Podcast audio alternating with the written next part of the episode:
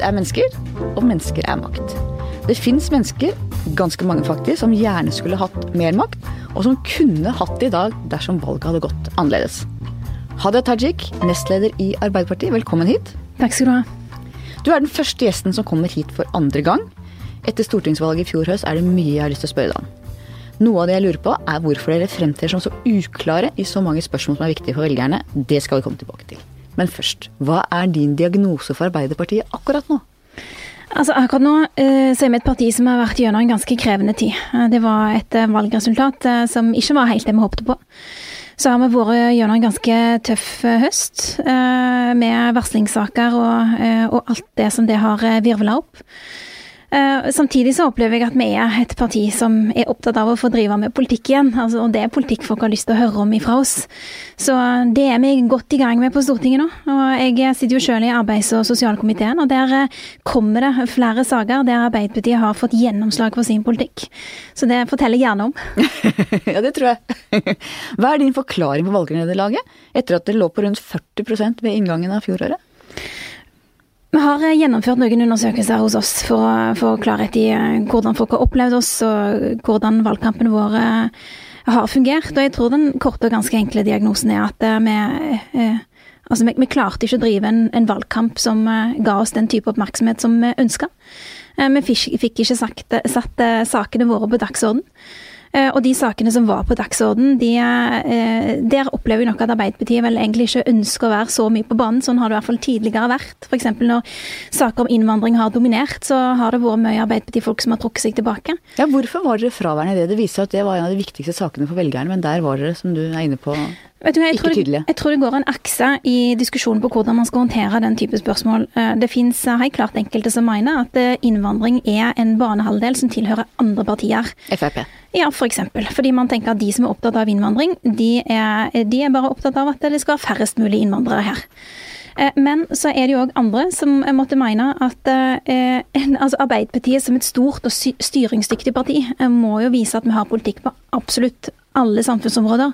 Også det velgerne syns er viktigst? Ikke minst. Altså, og når det er sånn at innvandring er det man snakker om i lunsjen, på arbeidsplassen, i skolen eller i avisene, så skal Arbeiderpartiet og Arbeiderpartiets løsninger selvfølgelig òg være der.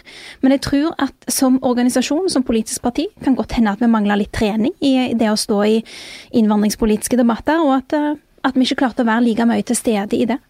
Er ikke også noe av dilemmaet at tillitsmannsapparatet i Arbeiderpartiet ligger venstre, legger til venstre enn store deler av velgermassen til Arbeiderpartiet? Altså, Jeg er ikke sikker på om jeg er enig i det. Det er jo en analyse jeg, jeg har hørt eh, tidligere òg. Eh, men eh, altså det er klart at Arbeiderpartiet er et parti som rommer flere meninger i innvandringsdebatten. Det ser vi òg i VG sine spalter. Splitten går i midten, egentlig. Midt i Arbeiderpartiet i holdning til de spørsmålene. Altså Det er jo folk i Arbeiderpartiet som mener at man burde ha en, eh, hva si, en, en rausere politikk på innvandring. Det har vi sett. Det har vært aktører som har etterlyst det, som er aktive medlemmer i Arbeiderpartiet. Men så har vi òg eh, ganske mange, eh, meg sjøl inkludert, som er opptatt av at vi skal holde fast med den linja som handler om å være streng, rettferdig og human. Og jeg mener jo at dette er en sterk tradisjon i Arbeiderpartiet. Det er ikke noe nytt vi har funnet på nå. Men det er lettere i posisjon enn i opposisjon, kanskje? eller? Det kan godt hende. I hvert fall så er det et faktum at Jens Stoltenberg var eh, streng, rettferdig og human. altså Han gjennomførte en del innstramminger der SV tok dissens. Grete Faremo som justisminister var det samme. og fikk nok ganske mye tyn da hun var justisminister og hadde ansvar for eh, innvandringsfeltet. Og det samme gjelder Torbjørn Berntsen, som jo òg var den på Stortinget da, som holdt tak i om, i saken om innvandringsstopp på 70-tallet. Og alle disse er jo fremtredende arbeiderpartifolk som har forma vår tradisjon om å ha kontroll på grensene, ha en regulert innvandring, og i sum være strenge, rettferdige og humane. Deres nye innvandringspolitiske talsmann som leder integreringsutvalget deres, Masud Gharahkhani, er ganske kraftig i ordbruken? Ja, han er det. Jeg syns han er en tøff og klar eh, mann fra Drammen. Tror du han kommer til å få mye motbør internt? Altså, Han har klart å reise en del diskusjoner, men eh, det har òg vært en del av formålet når eh, Masud Gharahkhani ble bedt om å lede migrasjonsutvalget i Arbeiderpartiet.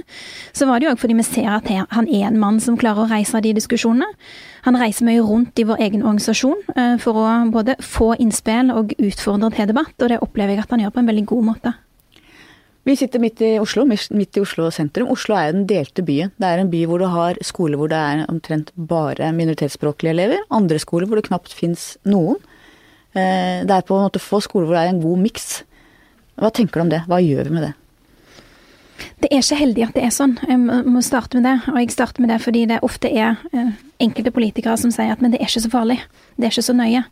Men det er nøye for de ungdommene som vokser opp, eh, og ungene som vokser opp i Norge, og som går på en skole eh, der det nesten bare er folk med innvandrerbakgrunn sjøl, da risikerer du sjøl, særlig hvis du kommer fra en eh, familie med innvandrerbakgrunn, eh, kanskje òg eh, med eh, liksom, eh, svak økonomi, sånn at det, det, ikke er så stort handlingsrom for deg. Det er ikke så mange steder du kan, du kan reise og ha fritidsaktiviteter i lag med andre ungdommer med andre bakgrunner. Så risikerer du å bli satt litt tilbake. Du risikerer jo ikke å ha fullt ut innsikt i de sosiale og kulturelle kodene i Norge. Så for det første, det er uheldig. For det andre så finnes det ikke ett enkelt svar på det. Altså Det handler jo både om skolestruktur, hvor er det grensene går, for det har betydning for hva slags elevsammensetning det er på skolene som sådan. Det handler om boligpriser, ikke sant. Det, hvor er det man har råd til å bo? Og det å sikre at det er en boligsammensetning òg i denne byen som gjør at man kan bo i forskjellige deler av byen, og ha råd til det. Eh, og så handler det òg om, eh, om, å ha eh, områderelaterte satsinger som gjør at områder som man i dag tenker at at det bare bor folk med en svak sosial eller økonomisk bakgrunn. At det ikke skal trenge å være sant om, om noen år. Bussing, er det et svar? At man busser elever ut fra sin egen skolekrets, så du får en annen blanding? Altså, det har vært en debatt i Arbeiderpartiet før som man har sagt nei til. Eh, og jeg opplever at hovedgrunnen til at man har sagt nei, er fordi det gir en del negative assosiasjoner. Eh, at det er noen elever som ikke er velkomne her eh, på basis av sin hudfarge. Og det Jeg kan jo forstå at det skaper den type reaksjoner, det kan jeg. Men jeg tror at det har vært riktig å se på skolestruktur f.eks., for, for det vet jeg at Oslo-byrådet har gjort. Og at hensynet til elevsammensetning har vært en av grunnene til det. Ja, det tror jeg er veldig viktig med skolegrenser. Eh, jeg snakket med en eh, lærer for en stund siden som har jobba med, eh, med minoritetsspråklige elever i mange, mange år. Som fortalte og gjorde inntrykk av meg om begrepsbruk, om rett og slett å ikke forstå begreper. Hun fortalte en historie hadde, eleven hadde lest at kongen ble begravet av bønder. Liket av kongen ble begravet av bønder. Og så sa hun hva står her? Jo, liket det, ja det er en død kropp. Bønder, ja det er sånne grønne erter vi spiser til middag. Mm. Hva mener dere virkelig at kongen ble Liket av kongen ble begravet av grønne erter vi spiste til middag? Nei, det var kanskje ikke helt uh, riktig. Og så sier men hvordan, hvorfor, hva holder dere på med, hvor skjønner dere ikke? Nei, så svarer de, vi, er så mye vi ikke skjønner av det vi leser. Og den grunnleggende begrepsforståelsen. Hvis du kommer og, og kan lese høyt og kan se hva som står, men ikke skjønner hva begrepene betyr, altså har vi gått dypt nok inn i disse tingene i skoleverket vårt? Nei, og når det gjelder dybdeforståelsen av begrepene, så har jo det alt å si òg for din sosiale mobilitet. Om du klarer å forme det livet som du faktisk ønsker deg. Eh, jeg opplever jo sjøl at eh, når den type problemstillinger kommer opp, så har vi, altså storsamfunnet, det offentlige Norge, har en tendens til å se på det som en kuriositet. Et eksempel. Ei venninne av meg hun forteller, hun har en bakgrunn fra Irak at eh, da hun var barn eh, og fikk, eh, fikk, beskjed om at de hadde noe som heter orienteringsfag på skolen, O-fag, så trodde hun at de skulle springe i skogen. Fordi det var det hun trodde orientering var. Så der møtte hun opp på skolen, var klar for å springe. Og når man hører den historien, så ler man litt og tenker at det var litt søtt. Og der og da er det litt sånn søtt, fordi hun er 8, 9, 10, 12 år gammel, jeg vet ikke jeg. Men når du har Altså, i en viss alder så slutter det å være søtt. Og det har betydning for hvilke muligheter det man faktisk får, om man har dybdeforståelse i det norske språket eller ei. Eh, og det er noen språkforskere sånn som snakker om at eh, hvis du virkelig fullt ut skal mestre noe til ut til fingerspissene, og de sier noe litt sånn pretensiøst, men de sier at du må bade i det norske. Og det kan høres litt sånn kleint ut, men det det handler om, er at du må ha folk rundt deg, omgangsfeller, venner, folk på jobben din som du snakker med, som har den dybdeforståelsen, og som gjør at at du utvider ditt ikke bare ordforråd, men din forståelse av, av det norske språket. Og språk er liksom bare, det er mer enn det som står i ordboka. Språk er òg samhandling mellom mennesker. Og det opplever jeg altså at vi undervurderer. At vi nesten at vi nesten ikke fullt ut forstår hvor viktig det er at uh, ungdommer som vokser opp i Norge i dag, faktisk må ha norske venner for at de uh, skal kunne lykkes i Norge. Dybdeintegrering. Dybdeintegrering, kall det gjerne det. Um, det er jo stor frafall i videregående. både type i Finnmark og blant innvandrergutter. Eh, har skolen spilt fallitt? Vi har jo en skole som faktisk reproduserer sosiale forskjeller i ganske stor grad. Ja, den gjør det. Eh, og uh, unge gutter uh, kommer dårligere ut enn jenter. Uh, gjør det dårligere på lesetester og språkforståelse. Og eh, personer med innvandrerbakgrunn gjør det. Så er det heldigvis en tendens til at de som selv er født i Norge, men har innvandra foreldre, at de gjør det bedre enn de som selv har innvandra. Naturlig nok fordi de har tettere kontakt med det norske og vokser opp med det. Eh, men eh, skolen har ikke klart å tilpasse seg godt nok den enkelte elev.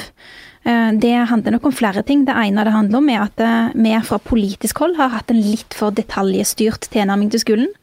Og, og, dermed, når vi skal prøve å løse et problem, utløse et byråkrati. I Finland er de mye flinkere til å tilpasse um, løsningene til den enkelte elev på den enkelte skole, uten å utløse det byråkratiet. Ja, Læreren har en helt annen autonomi. Og ja. Autonomi og autoritet og faglig, um, faglig trygghet. Da. Og det er noe av det jeg mener at vi må få til i den norske skolen. Å skape enda sterkere profesjonsfellesskap på den enkelte skole. At man skal jobbe tettere med skolens ledelse som et fellesskap. Sånn at det er ikke bare én lærer i et klasserom, og da må du klare deg sjøl i de 45 minuttene, og lykke til, kos deg. Men at det skal være et profesjonsfellesskap som gjør at lærerne trekker hverandre opp, lærer av hverandre, har erfaringsutvekslinger som gjør at, at de står støtt i den felles skolehverdagen som de har, men òg ikke minst at man har skoleledere som er trygge i sin rolle. Eh, det betyr òg noen ganger å sette grenser, enten det er for elever eller det måtte være for lærere som måtte være, måtte ha, være overambisiøse, eller hva det enn måtte være som er problemet. Og i dag er det jo ganske slakt. Jeg kjenner jo folk som jobber i skolen som forteller om veldig fravær av sanksjonsmuligheter. Veldig mye sånn myk tilnærming til vanskelige elever, som kanskje tidvis trenger en mer sterkere grenser. ikke sant? At det er det man litt latterliggjørende kan si er SV-skolen. Og ansvar for egen læring, som jo selvfølgelig også profitterer mest de ressurssterke elevene, og som er ganske skadelig for de som trenger mer oppfølging. Man kan si det på den måten der, men, men hvis vi snur litt på det, så er jo spørsmålet hvorfor Hvorfor, altså, hvorfor, er det sånn? Er det sånn at eh, lærerne og rektorene ikke er flinke nok eller sterke nok eller trygge nok? Altså, jeg tror ikke det. Jeg tror det er veldig mange lærere og rektorer der ute som er beredt til å ta den rollen og den plassen. Men hva er det vi politisk har gjort i det? Altså På mange måter så har man jo kastrert uh, altså, de, som har den type roller på skolen i dag, ved å pålegge dem en form for detaljstyring som begrenser deres handlingsrom. Uh, derfor er det viktig for Arbeiderpartiet at vi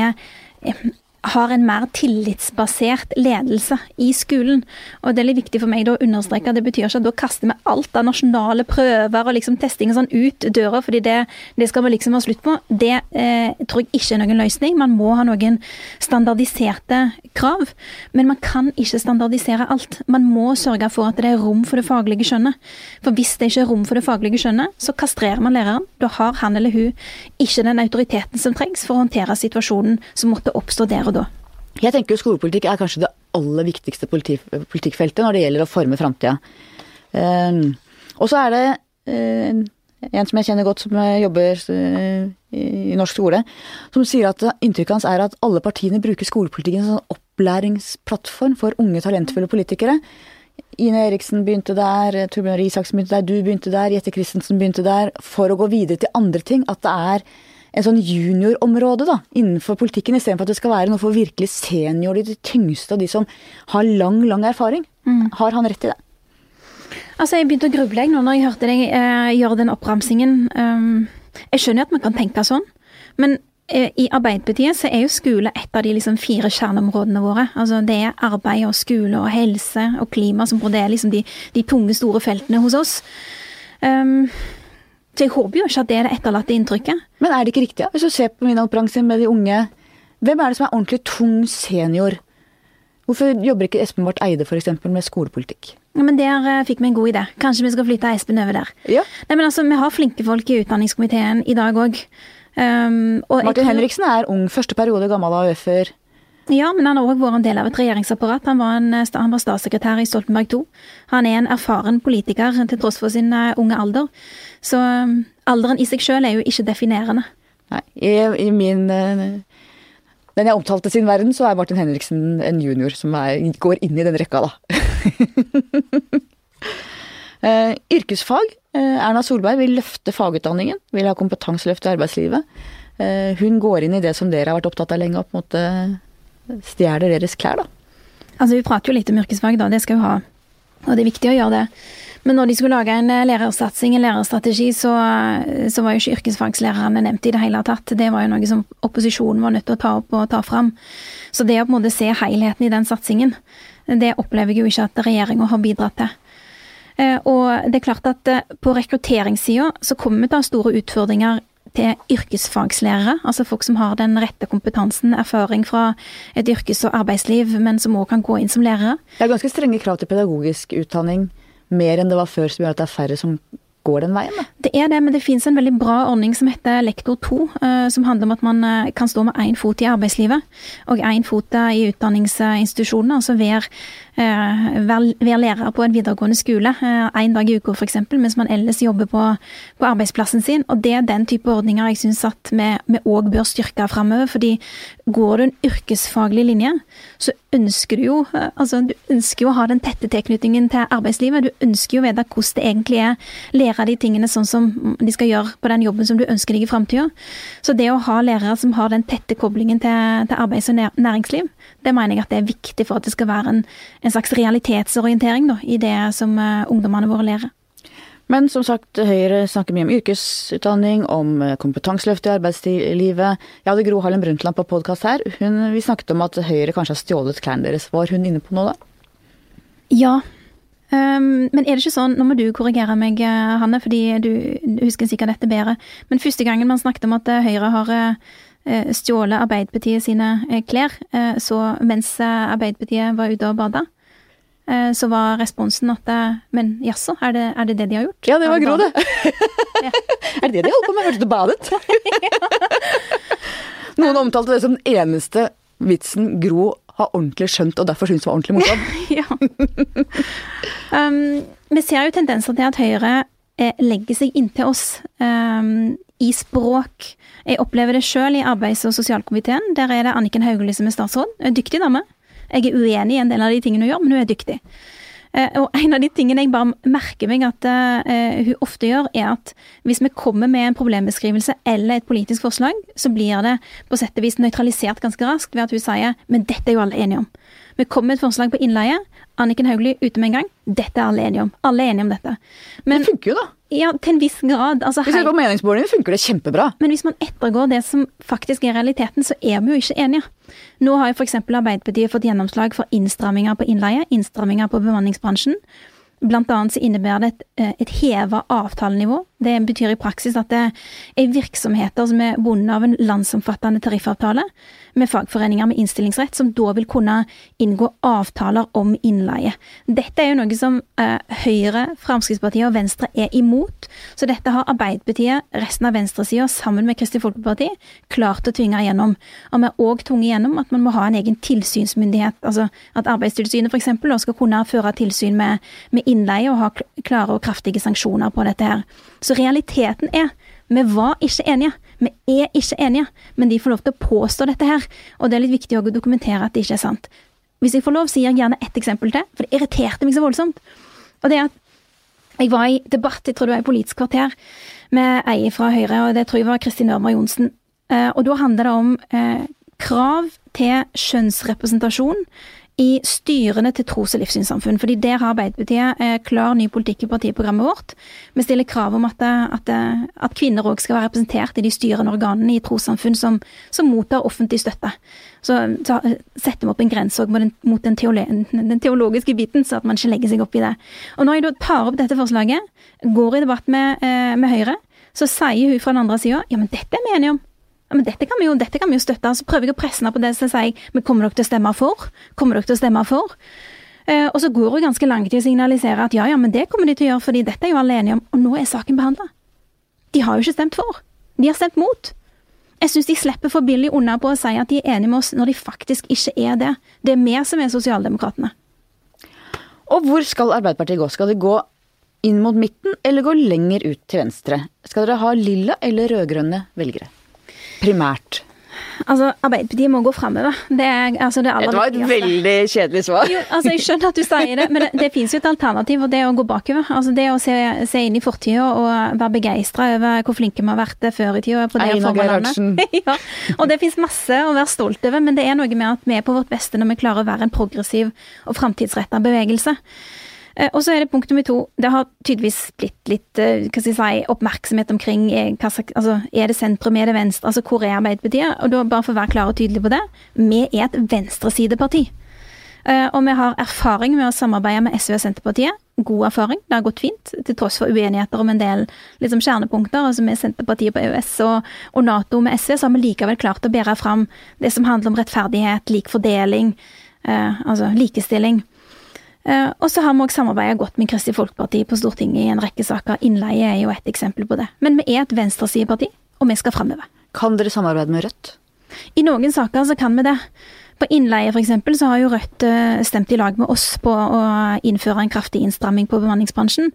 Men det er nok ikke sånn at vi alltid er enige med Rødt. De er jo Nei, det håper jeg ikke. Nei, det, det, det handler jo òg om at eh, de har, de har, jo en mye mer sånn revolusjonistisk eh, tilnærming til hvordan man styrer et land. Eh, og det er jo ikke Arbeiderpartiet sin tilnærming. Vi er opptatt av å altså, drive en, en, trygg og noen ganger liksom forutsigbar styring, da. Fordi det er òg noe som, som sikrer framtida best. Tror du du noen gang kan komme til å sitte i regjering med Rødt? Jeg ser det ikke for meg, nei. Jeg gjør ikke det. Men dere har jo gått til venstre i en del saker, som f.eks. internasjonalt eh, atomvåpenforbud, som jeg syns var helt uh, sjokkerende at dere drev og flørta med det. Dere endte jo riktig ut til slutt. Men, uh, men det er noen sånne reflekser som går, som er veldig uarbeiderparti-ish, da. Ja, syns du det? Altså, ja. Det der med internasjonalt atomvåpenforbud er jo Altså, det er nok AUF som har drevet det fram. ikke sant? Det er ungdomsorganisasjonen vår som har gått i front på, på en del av disse spørsmålene. Eh, men De har jo ikke pleid å få gjennomslag i den type spørsmål. Og plutselig har de fått det. Det syns jeg var kjemperart. Ja. Vi slakta det jo på lederplass i VG opptil flere ganger. Nei, det, med stor innlevelse. Det forundrer meg ikke. Det var vel du som skrev det, tenker jeg. Men eh, som idé mener jeg at det er riktig. Jo, som idé, men alle kan jo drømme om at er verden fri for atomvåpen. Men hvis du The good guys må jo ha det så lenge the bad guys har det. Men man må starte der. Jo, man har jo nedrustningsavtaler og andre ting som på en måte er prosesser som har bred oppslutning, og som man jobber med. Men du må alltid starte med hva er det som er rett? Hva er det som er målet? Og så må du spørre hva er det mulig å gjennomføre? Hvis du begynner i motsatt rekkefølge, hva er det mulig å gjennomføre? Da kan du havne på eh, ville veier, altså. Og, eh, ja, Men målet er, målet er jo ikke et forbud, målet er å få ned antall atomvåpen. Forbudet er jo et virkemiddel, det er jo ikke et mål. Altså, ja, jeg skjønner hva du mener, men, men eh, for, altså, målet er jo at man skal ha en verden der man ikke bruker atomvåpen. Og da er jo ja, jeg, jeg, jeg, klarer ikke å bli veldig opprørt over dette standpunktet. Jeg tror at vi har klart å lande det på en måte som er bærekraftig. Forlik, er det slutt på det? Altså, vi i Arbeiderpartiet vil gjøre det som er riktig for Norge. Og Det betyr at i noen sammenhenger så er det riktig å inngå forlik. Um, men uh, en del av kritikken mot Arbeiderpartiet fra de siste årene har jo vært at vi har inngått for mange forlik. Um, det, det, får vi på en måte bare ta med oss. Jeg tror at på en del av de områdene som, som har mye å si for stabiliteten til landet, uh, så er det riktig for et styringsdyktig og ansvarlig Arbeiderparti å inngå forlik når det trengs. Det ligger jo i ryggraden deres, egentlig. Det gjør det. Og det kan folk være trygge på at når landet trenger det, så vil Arbeiderpartiet alltid eh, ja, eh, gjøre det som trengs for å sikre landet. Eh, ACER-striden var ganske tøff for dere. Eh, jeg tror kanskje dere forsto faren der for seint. Nei til EU er jo alltid på ballen. Nå handler det om EØS, sterke krefter i fagbevegelsen som jobber hardt for å undergrave hele avtalen, og de vinner litt terreng hver gang. Syns dere er gode nok til å forsvare EØS-avtalen? Nei, det er vi ikke. Og hvorfor ikke det? Eh, jeg tror det finnes flere grunner. Den ene grunnen tror jeg at EØS-avtalen som sådan, mange syns nok at den er litt sånn teknisk. Eh, hvordan skal de forsvare den? Eh, og, det å være lidenskapelig opptatt av at EØS er viktig for Norge, kan òg Altså Det kan virke litt sånn, kan jeg si, litt sånn teknisk. Det kan virke òg litt vel Europa- og EU-vennlig. At har du forsvart EØS, så har du òg forsvart EU. Og det finnes jo òg folk hos oss som mener at det skal man ikke gjøre. Jeg er ikke en av de. Jeg mener at EØS er kjempeviktig, det er helt avgjørende for Norge. 80% av eksporten vår er jo med EU-land. Um, så det har veldig mye å si for Norge at vi har den markedsadgangen som EØS gir. Men nettopp òg fordi jeg jobber såpass mye med arbeidslivspolitikk, så ser jeg òg at det har noen utfordringer. Og når vi overlatt til nei-sida å snakke om utfordringene, så har de fått lov til å både definere det som eh, Altså hva som er problemene, og dermed òg hva som er løsningen. Og det er liksom minst mulig EU. Men jeg er nå av den oppfatning at de problemene vi ser knytta til fri flyt av arbeidskraft, med den konsekvens at, det, at den lette tilgangen på utenlandske arbeidstakere i Norge gjør at det er lett å utnytte dem, lett å utsette dem for sosial dumping, at det legger norske lønns- og arbeidsvilkår under press. Det betyr at vi må bruke det norske nasjonale handlingsrommet mer enn det vi har gjort før. Veto, eller? Altså, Veto er noe man kan gjøre i ytterste konsekvens. Men noe av det man kan gjøre før man på en måte når veto, er jo faktisk å innføre norske regler på en del områder. Igjen, innleie er et eksempel på det. Mange av de innleide er nettopp utenlandske arbeidstakere og som da, som da, får ganske vanskelige arbeidsvilkår i Norge. Og det å legge liksom tydelige og sterke begrensninger på dette her, vil òg ha betydning for hva slags arbeidsliv det vi får. Så du tenker at dersom eh, tilhengerne av EØS-avtalen også problematiserte mer de vanskelige sidene ved det, og skisserte løsninger, så ville du ikke ha den kraften i Nei til EØS-bevegelsen i fagbevegelsen? Ja. Ja. Det tror jeg du har helt rett i. Jeg tror det hjelper alltid å være hva skal jeg si, sindig, fornuftig, eh, nøktern, eh, anerkjenne at eh, det som gir oss fordeler, som EØS, markedsadgang, og gir oss noen ulemper, som fri flyt av arbeidskraft og av og til kan være, det er, det er, et gode, men det er ikke bare et gode. Og så er EØS er jo det, må vi kunne si, det er en husmannskontrakt, men det er jo det beste vi kunne få da vi sa nei til EU. EU, Hva husker du av EU-kampen i 94? Da var du jo, gammel var du da? Da gikk jeg i barneskolen, eh, og det jeg husker fra den, var egentlig bare at eh, jeg var for. Og jeg kunne ikke forklare hvorfor jeg var for. Men det man diskuterte på skolen da, det var litt sånn helt hinsides. Det var litt sånn sånn som jeg husker det, da, var eh, at hvis eh, Norge ble med i EU, så kunne man ikke se Baywatch på TV. Og det syns mange av mine klassekamerater var opprørende. Det var et veldig godt nei-argument for dem. Hva ville du stemt i dag, hvis det var folkeavstemning? Altså, Jeg er glad for at det ikke er og ikke kommer til å være folkeavstemning om EU i Norge i overskuelig framtid, for det er ikke grunnlag for det. Er du for eller mot norsk EU-medlemskap? Altså, eh, flertallet i Norge er mot EU. Men hva med deg? Altså, Jeg har aldri vært en sånn der EU-hater, eh, e og jeg kommer ikke til å bli det nå heller. Jeg mener at sånn som situasjonen nå er, så er det EØS som er det riktige alternativet for Norge. Her sitter jeg 52 år og er veldig opptatt av hva du mener om det. Er EU et, ikke et viktig definerende spørsmål for din generasjon, sånn som det faktisk var for min generasjon? Ja, jeg tror du har rett i det. Jeg tror ikke det er så definerende. Eh, det er helt sikkert noen som vil liksom, eh, si, holde liv i den aksen, men, men, jeg tror ikke det har noe for seg. Jeg tror ikke det er der jeg tror ikke det er der aksen går i dag. Jeg tror dessverre du har rett i at det er lenge til det blir noen ny folkeavstemning. I hele Europa så strever sosialdemokratiet. Hva er din forklaring på det? Vet du hva? Det er veldig ulike grunner i de ulike landene. Eh, og så er det noen land som også, eh, der sosialdemokratiet ser ut til å eh, gjøre det si, greit, da, om ikke bra. I Storbritannia så er de jo i opposisjon. Har høy oppslutning, men der kan det like mye handle om at Theresa May er det man på godt norsk kaller, eh, og hennes regjering er da a train wreck. Eh, I Sverige så har man sosialdemokrater som, som klarer seg etter forholdene, eh, vil jeg si. Der er de i, i posisjon. Um, I Danmark så er sosialdemokratene ikke i posisjon, men der er de i full gang med å diskutere med Dansk Folkeparti og har, har god kontakt med de om, om, om det som kan være et mulig grunnlag for framtida. Det må jeg si at det er ganske fremmed for meg. Altså det er mye av det de danske sosialdemokratene gjør som jeg tenker at er eh, spennende. Eh, men den nærheten de har til Dansk Folkeparti Ja. Jeg, jeg ser på det som en ja, jeg, vet nesten Karakterbrist, eller? Altså det, eh, det, er ikke noe for meg, da. Jeg kan si det på den måten. Jeg tror det er det mest diplomatiske jeg kan si. Eh, men det som kan være riktig for sosialdemokrater i et land, trenger ikke være riktig i et, eh, i et annet. I eh, Tyskland så har vel sosialdemokratene de hadde en liten oppsving en liten stund i starten av, av, av den forrige valgkampen, men, men, der er de liksom så overskygga av de andre partiene, som har vist seg å være styringsdyktige og, og, og, kraftfulle. Så det er ulike årsaker, men det vi ser som en sånn generell tendens gjennom hele Europa, er jo at det er en kraftig um, det, det er et oppsving, da, av protestbevegelser og populistiske bevegelser. Og de er de er på høyresida, men ikke bare på høyresida. Du finner òg venstrepopulistiske partier. Du finner de i Hellas, du finner de i Portugal, du finner de i Spania.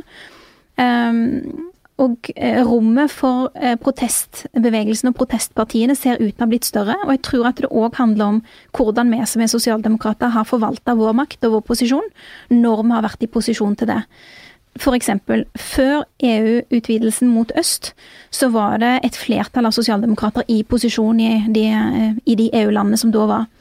Men de brukte ikke det rommet og den muligheten til å tvinge gjennom altså noen viktige sosialdemokratiske grunnpilarer for arbeidslivs- og sosialpolitikken. Snarere tvert imot så overlot man til de konservative kreftene å definere hva denne markedsadgangen faktisk skulle bety.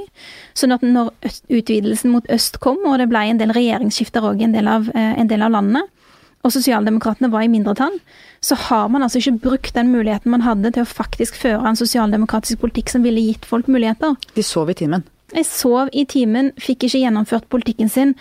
Og det gjør nok òg at folk At det fins folk der ute som tenker um, Hva har politikerne mine gjort for meg?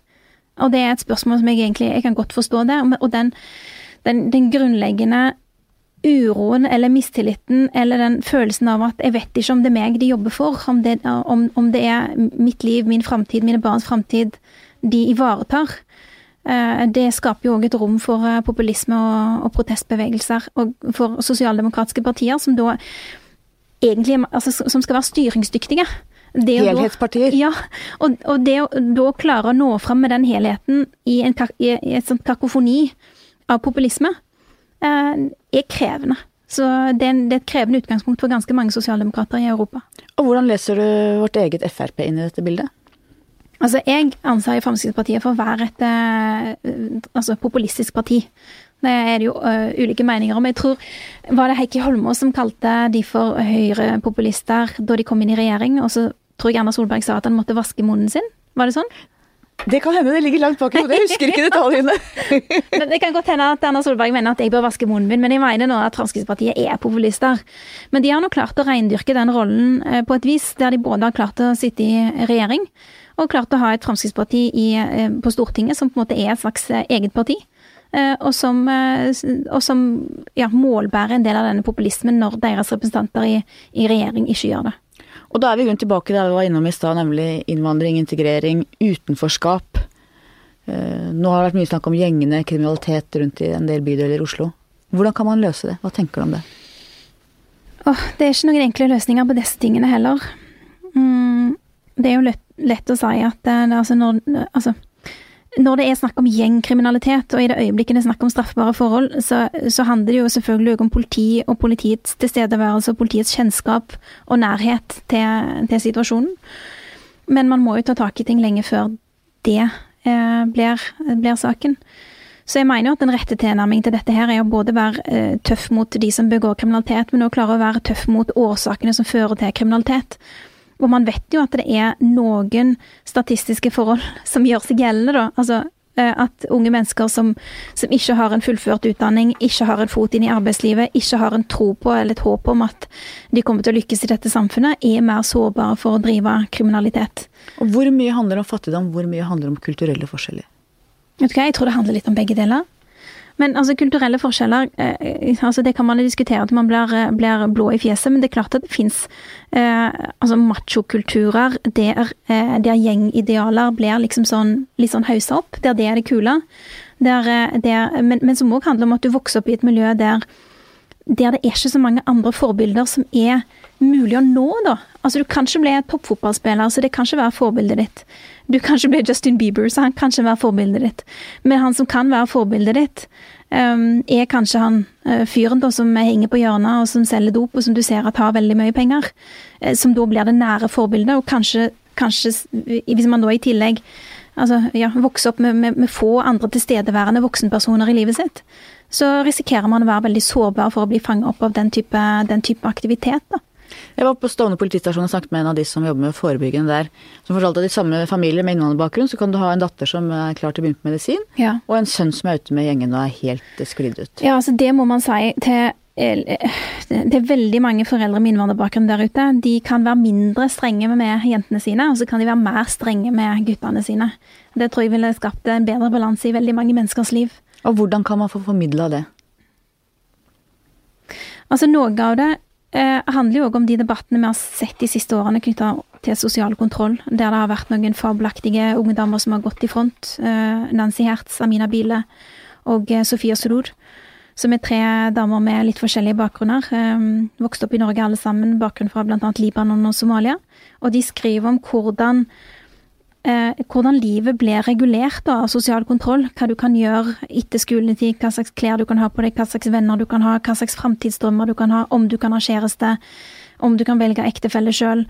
Alle de tingene som måtte forme, eh, forme mulighetene og begrensningene i livet ditt. Og det å i det hele tatt klare å snakke om dette her med litt lave skuldre, som man jo etter hvert har klart å få til, har vært viktig da, for, eh, for, for den generasjonen som vokser opp nå. Har du vært utsatt for sosial kontroll? Ja, klart jeg har. Kan du fortelle litt om det? Altså, jeg, eh, Som du jo vet, så forteller jeg jo ikke sånn kjempemasse om livet mitt, men, eh, men eh, det, det sier seg jo sjøl at altså, mine foreldre kommer jo fra Pakistan. De kom til Norge på 70-tallet. De vokste jo sjøl opp i en kultur som, som har helt andre forventninger til, til jenter. Hva slags plass jenter skal ta. Og jeg har nok mange ganger fått høre det i min oppvekst sjøl, at dette passer seg ikke. Eller den vanligste setningen, da. Hva kommer folk til å si om oss hvis du gjør det? Ja, Iram Haq sin film, det. Hva ja, vil folk si? Det er veldig dekkende. Det er faktisk et, ja, det er et uttrykk eh, som brukes. Um, og eh, familiens omdømme har veldig mye å si eh, for, um, for, hvilken valuta, hvilken kapital da, eh, familien har, eh, hvilken standing de har. Hjalp det deg at du bodde såpass langt unna liksom, de tetteste innvandrerbydelene i Oslo, tror du? I din oppvekst? Ja, det er klart at det har gitt meg et annet liv. Altså, Det at jeg vokste opp i Bjørheimsbygd, gjorde at jeg ble kjent med bygdedyret. Bygdedyret er jo òg en form for sosial kontroll. Hva vil folk si? Ja, hva kommer folk til å si? Og Bygdedyret følger med på hva du gjør, og du må ikke tro at du er noe. Og du må i hvert fall ikke tro at du skal skille deg ut fra flokken, fordi her gjør vi ting på en spesiell måte. Sånn at når jeg måtte, opplevde noe av det samme i eh, de norsk-pakistanske miljøene i Stavanger, eh, som vi jo besøkte, eh, en 40 minutters ferjetur unna, så var det på en måte ikke noe fremmed til jeg skjønte hva det var for noe. Det var et slags bygdedyr, det òg. Um, et slags moralpoliti um, som skulle definere hva som er anstendig og ikke. Uh, og heldigvis, da, så tok jeg i hvert fall stilling til det, tror jeg, relativt tidlig. At um, i valget mellom å bli det som folk vil at jeg skal være, og være den jeg sjøl ønsker å være, så velger jeg å være tro mot mitt eget liv. Og hva var det som ga deg den styrken? Vet du hva, jeg tror det er mor mi, faktisk. Hun er en utrolig sånn tøff dame som, som, eh, til tross for at vi nok ser ulikt på en del ting sånn, Hun har jo òg vokst opp i en mer tradisjonell kultur. Har eh, ved de vanskelige korsveiene i livet klart å velge meg, hvis du skjønner. Mm. Det er utrolig fint, da. Det er det. Og det minner, minner, litt om oldemoren min som uh, måtte slutte jobben da hun fikk barn. Fikk min mormor. Eh, hun fikk bare levert, hun var lærerinne, hadde fått ny jobb. Fikk levert eh, oppsigelsesbrevet på barselsengen av mannen sin, som sa at jeg kan ikke ha sittende på meg at ikke jeg, jeg kan forsørge familien min. Mm. Og hun oldemor piska fram min mormor til ja. utdanning. Hun fikk ikke rydde opp hjemme, fikk ikke vaske ingenting Hun bare lekser, stå på. Det er litt det er litt moren din og oldemoren min, egentlig, tror jeg. Ja, jeg tror du har rett i det, og, og, og fordi Altså, jeg tror eh, mange klarer å se for seg den klassereisen som jeg har gjennomført, ikke sant, fra Bjørøyensbygd eh, der mor og far er fremmedarbeidere og eh, med lite penger, men at man likevel får skapt seg et liv. og Jeg får komme til Oslo og jeg får lov til å være nestleder i Arbeiderpartiet. Folk skjønner at det er en klassereise, og folk skjønner at det, det er et langt strekk fra Bjøringsbygd til Stortinget. Men den reisen som mine foreldre og som foreldregenerasjonen har gjort, er jo, er jo, helt formidabel. Den er jo helt vanvittig. Tenk å reise fra Pakistan, et eh, kollektivistisk samfunn der eh, individet ikke er viktig. Der familien er det viktigste, og der omdømmet er det aller viktigste. Og der, der, jenter ikke skal ta den type plass som, som det jeg jo tross alt har gjort i, i et fremmed samfunn for de, i det norske samfunnet. Um, og, og, for min familie da, å både gjennomføre den geografiske reisen fra Pakistan til Norge, men òg den mentale og emosjonelle reisen det innebærer å, å ta inn over seg at livet kommer ikke til å bli sånn i Norge som det ville vært i Pakistan og at de har fått en datter som insisterer på å ta veldig mye plass, og som de gang på gang nok har følt seg prøvd av, hvis du forstår. Um, ja, jeg gifta meg jo utradisjonelt. Uh, jeg skilte meg. Var det vanskelig? Ja. Snakka dere om det, eller er det bare litt sånn taust at man uh... Nei, vi har snakket om det. Men Og folk skjønner kanskje at jeg har betalt en pris for disse tingene, men det har jo familien min òg. Og det tror jeg kanskje ikke folk ser. Altså den prisen som foreldregenerasjonen har betalt for sine ungdommers frihet. Da. Det er ganske sterkt. Det er underlig da, du kommer da fra en liten bygd på Vestlandet, vokst opp i nøkterne kår. Eh, og så fremstilles det ofte av kritikerne som elite og storby. Hvordan kan det ha seg?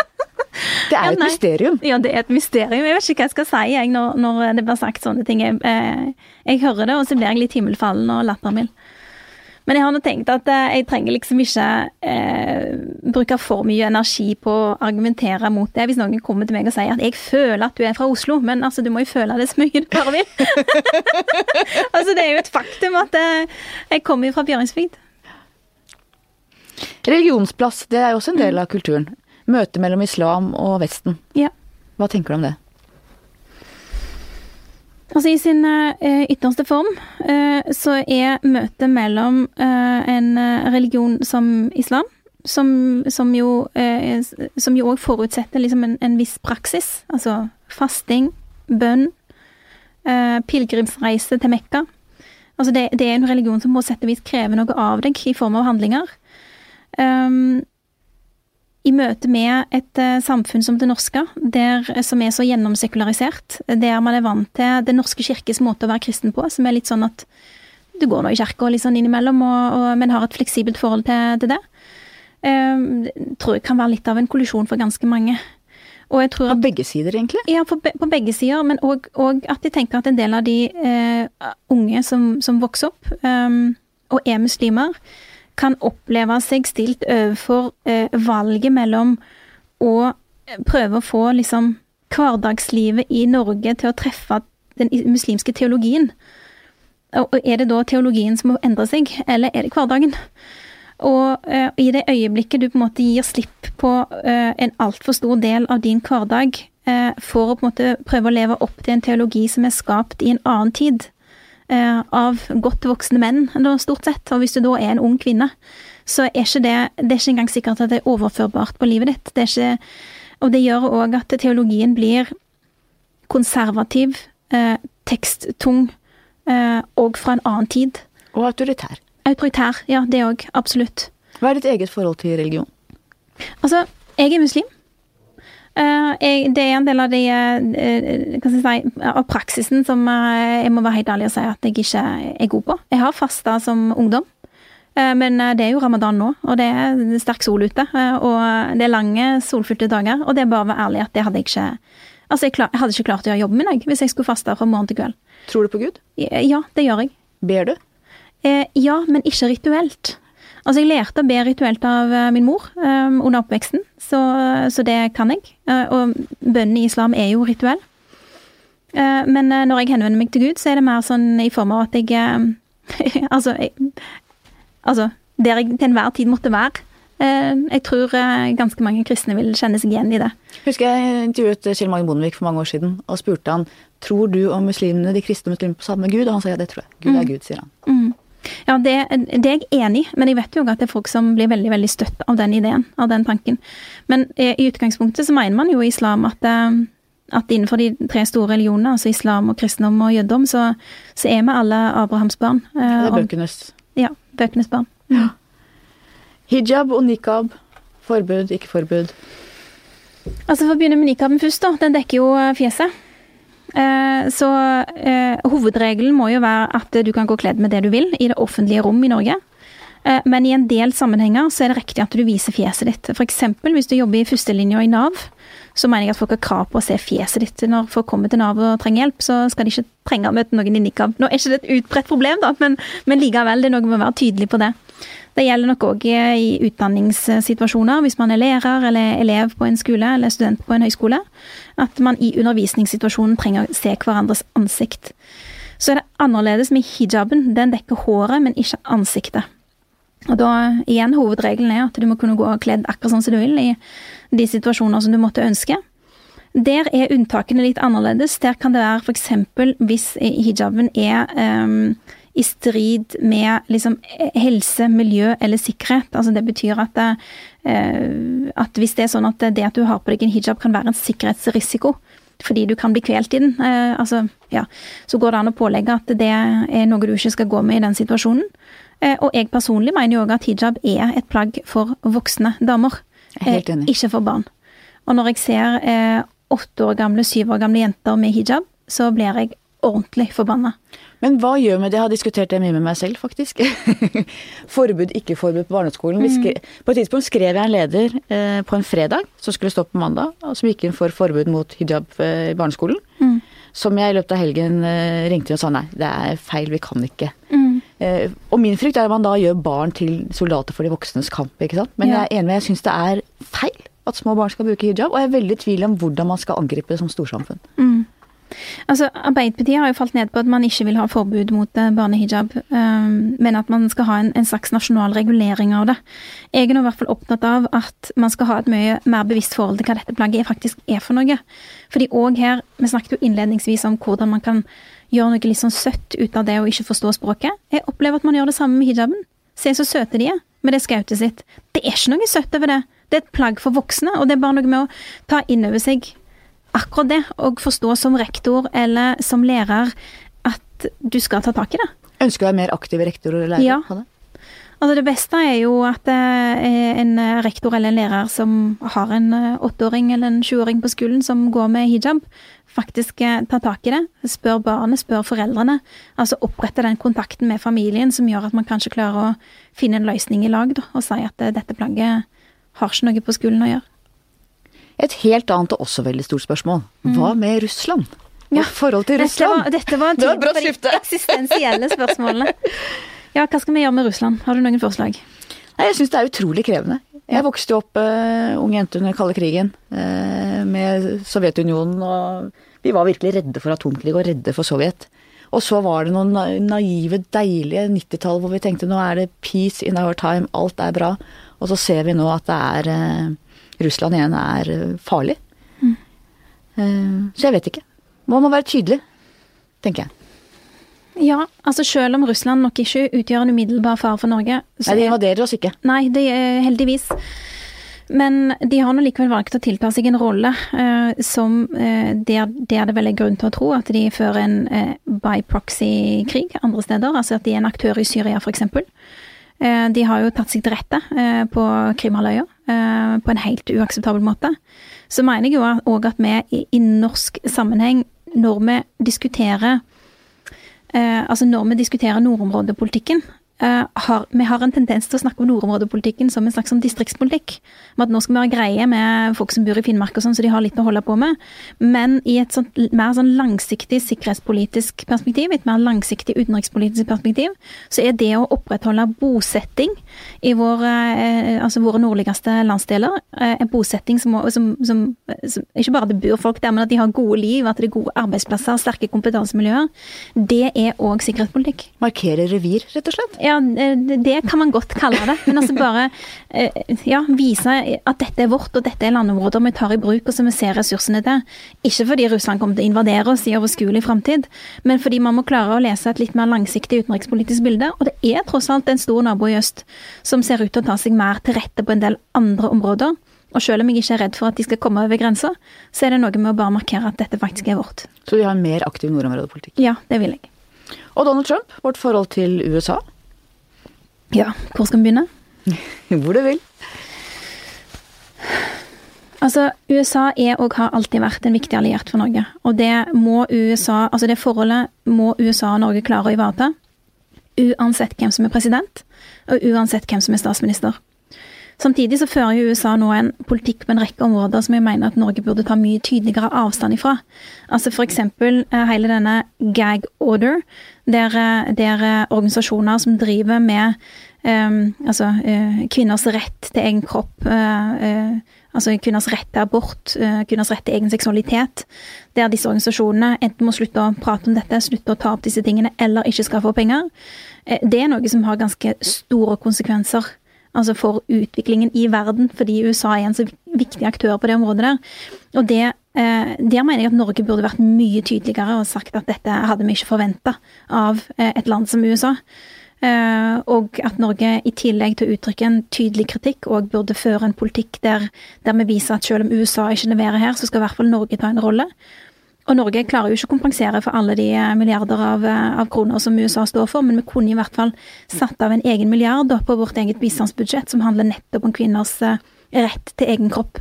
Fordi åh gud, jeg møter folk som driver med utenrikspolitikk, og som, som syns at dette med liksom, kvinnesak og seksualitet og sånn Alt dette maset, liksom? Alt dette maset, når, det, når atomvåpen er liksom den store trusselen.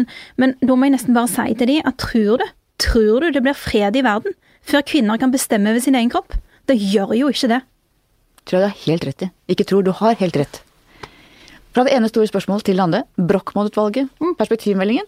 Hvordan kan vi bevare velferdsstatens bærekraft? Ja, altså For det første så må vi føde flere unger. Jo, men det må vi faktisk, fordi nå fødes det Det fødes for lite barn eh, i Norge. 1,6 mm. er vi nede når vi var, var oppunder to her for noen år siden. Ja, og det er på vei nedover, har vært på vei nedover siden finanskriseåret 2009. Eh, og eh, man, har, man, er ikke helt sikker på hvorfor det er sånn, men man vet i hvert fall at hvis vi skal opprettholde velferdsstatens bærekraft, så må vi ha framtidige arbeidsfolk og gründere og bedriftsledere. Eh, og da må vi føde flere barn. 2,1 per kvinne er målet. Ja. Har du levert på det? Tre. Du har levert det. Nei, jeg må få eh, tampen i eh, Tampen i by... Eh, altså, hva heter det? Klampen i bånn? Tampen brenner for å få klampen i bånn. Dybdeforståelse av språket. Men nei, men dette er viktig. Og det, det, det man har antatt frem til nå, da, er jo at hvis vi har gode nok velferdsordninger, det er jo det foreldrepermisjon og pappaperm og barnehager handler om, så vil det jo naturlig nok òg bli flere barn. Og fra 70-tallet og frem til nå, så har jo det vært riktig, i all hovedsak. Altså det har bidratt til å, til å gjøre det enklere å, å kombinere familieliv og, og, øh, og, arbeidsliv. Eh, men vi ser at det nå i hvert fall er behov for å bidra til at folk føder flere unger. Eh, og hvordan kan man gjøre det? Det må bety at det må bli enklere å ha en familie. Og kanskje må vi gjøre det òg enklere å få barn tidligere. Kvinner venter jo lenge med å få barn nå. Og det er jo nettopp det tror jeg er et helt sentralt poeng. At man veldig mange venter og tror de kan vente, og så viser det at det er ikke så lett når man først ja begynner? Og så tror jeg at eh, altså, For å ta noen enkle eksempler. Det betyr at det, eh, kanskje vi bør gjøre det, gjøre det enklere for barn mens man er under studier. Med de betydninger det har for studieprogresjon, utsatt eksamen, eh, betydningen det har for lån fra Lånekassen. Altså, det kan hende at vi rett og slett må gjøre en del endringer her for å gjøre det enklere for barn tidligere. Biologien er jo på tidligmødrenes side. Mens Ja, Gro sier det hver gang jeg har møtt henne, at eh, ja. Nå må du komme i gang. ja. Men jeg har forstått det sånn at hun sier det eh, med, med eh, Ja, hun sier det til alle damer. Mm. Og det har hun rett i. Vi må gjøre som Gro sier. Ja, vi må gjøre som Gro sier. LO, offentlig sektor, er, blir større nå i LO enn privat sektor. Mm. Hva, hvilke konsekvenser kan det ha? Vi må først starte med hvorfor er det sånn. Og det, er, det har blitt lavere organiseringsgrad i privat sektor. Og det handler òg om utviklingen i arbeidslivet i en del av de områdene der.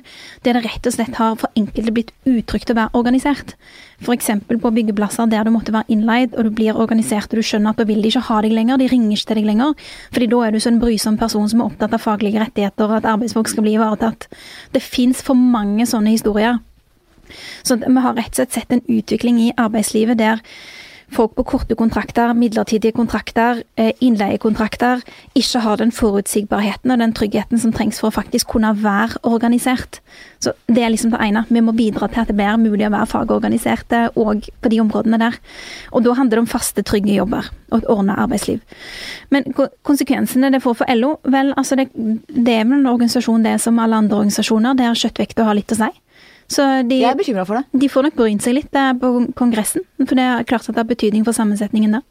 Ja, Det betyr jo også da at, at hele frontfagsmodellen, dette med at eksportindustrien skal være lønnsledende Det som norske modellen hviler på, er er ikke like trygt, da, tenker jeg. Jeg vet ikke helt. Når det gjelder frontfagsmodellen, så tror jeg den står ganske stødig òg blant de som er innenfor offentlig sektor. Men det kan være en del av de eh, eh, liksom perspektivene som handler om det å skape verdier, da.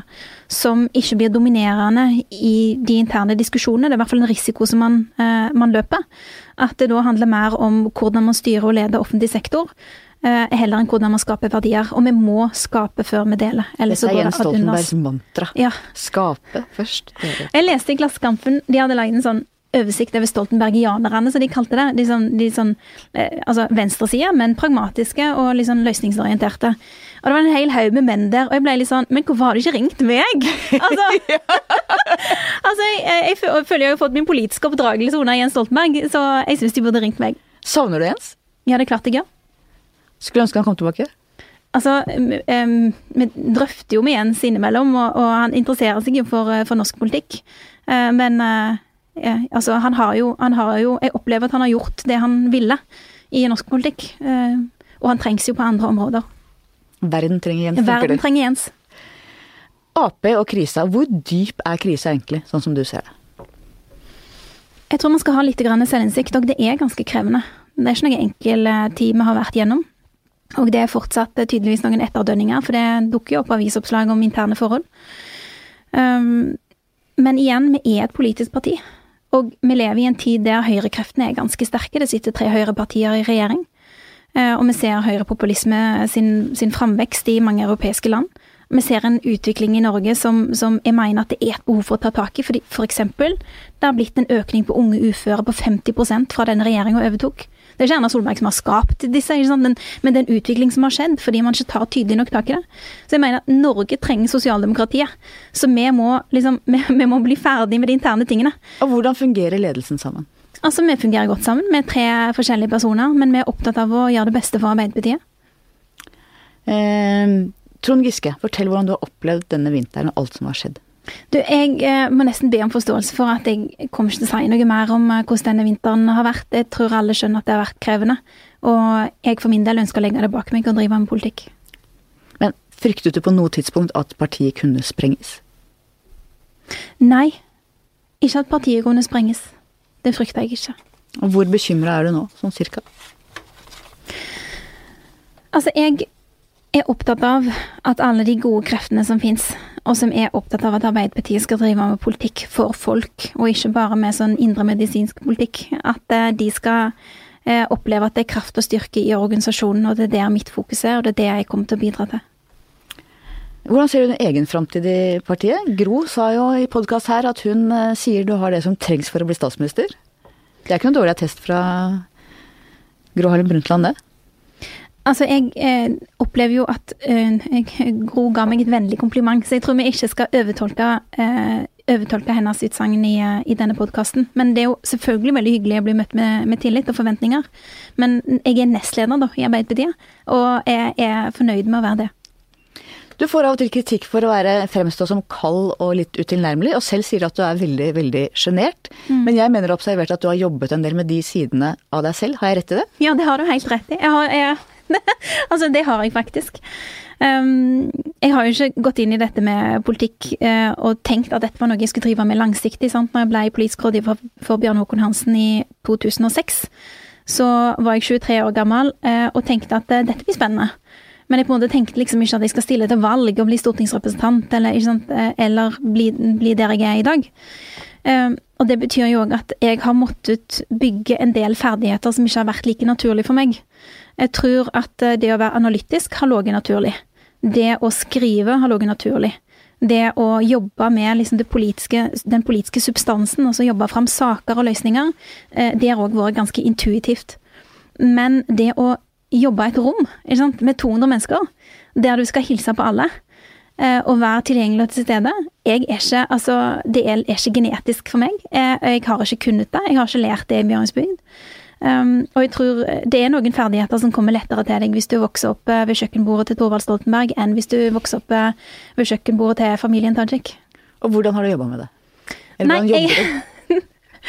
altså, du må jo bare begynne en plass. Altså, du må jo bare bestemme deg for at nå skal jeg finne ut av dette, og så bare gjør du det. Og eh, i starten er det litt sånn skeitete og litt sånn, men det er noe godt meint. Eh, jeg syns jo folk er spennende, og folk er interessante. Eh, så jeg har på en måte bare måttet begynne en plass. Og jeg er glad for å kunne si da, at det som jeg nok eh, for eh, en del år tilbake ville synes at var vanskelig, nemlig det å komme inn i et rom med 200 mennesker, hvordan skal jeg forholde meg til det, eh, nå ikke oppleves som vanskelig. Altså til og med er noe som jeg kan få energi av. At jeg syns det er gøy og morsomt og givende å få lov til å prate med alle disse folkene. Og at de, de ja, at de er interessert i å gi litt av seg sjøl, Det er jo en gave. Er du komfortabel med det offentlige bildet av deg selv? Jeg har et litt sånn distansert forhold til det offentlige bildet av meg sjøl. Jeg leser nå avisene, jeg òg, eh, men jeg har på en måte forsona meg med at ja, ja. Altså, det er jo det er en bit av deg som blir gjengitt offentlig, og så er det masse av deg sjøl som folk kan, kanskje aldri får sett. Og sånn er det jo bare. Hva betyr det at du er kvinne? Stilles det andre krav og forventninger til deg enn til Jonas Gahr Støre? Eh, ja, det gjør det, men, men, det stilles ulike forventninger fordi vi har ulike verv. Men, men, i tillegg så stilles det ulike forventninger til kvinner og menn i Norge. Det er klart at det gjør. Det syns jeg jo at eh, den eh, flotte NRK-serien Heimebane viser på en veldig god måte. Den er fantastisk. Den er helt herlig. Altså, Jeg har gleda meg til hver søndag for å se det. Og jeg må bare fortelle det. Jeg pleier jo ikke, når jeg ser en serie jeg syns er bra, å liksom søke opp manusforfattere og sånn, men det gjorde jeg her. Og jeg søkte han opp, og jeg sendte en melding på Facebook bare for å fortelle at dette syns jeg var så bra at jeg klarer ikke la være å fortelle deg hvor bra jeg syns dette er. Så jeg må bare si at jeg ble utrolig begeistra. Jeg syns at de har tatt det veldig på kornet hvordan det er å være kvinne med en, en ledende posisjon, da. Kjente du deg igjen i henne? Ja. I treneren? Ja. I, uh, I, egentlig det meste som ble beskrevet av uh, situasjoner som hun måtte være oppe i og håndtere, det kan jeg skrive under på at jeg har vært borti alt sammen. Du er også uh, Du stiller også, sånn som jeg ser, ganske strenge krav til deg sjøl. Veldig opptatt av å være godt forberedt. Stiller du for strenge krav til deg selv, tror du? Nei, jeg tror ikke det. Jeg er gammel nok til å lempe litt på kravene. Men jeg tror det fornuftig å stille, å stille høye, høye, krav til seg sjøl. Altså um, Ja, du må ha noe å strekke deg etter hele tiden. Til slutt, jeg vet jeg har spurt deg før, for du har vært en gang før, men likevel, vi tar den igjen. Mitt faste spørsmål. Hva skal bli historien om deg? Hadia Tajik, det var hun som Åpna dører for andre, for de som kom etter henne. Tusen takk for at du kom. Takk til deg som hørte på. Takk til vår faste produsent, Magne Antonsen. Vi høres igjen om litt.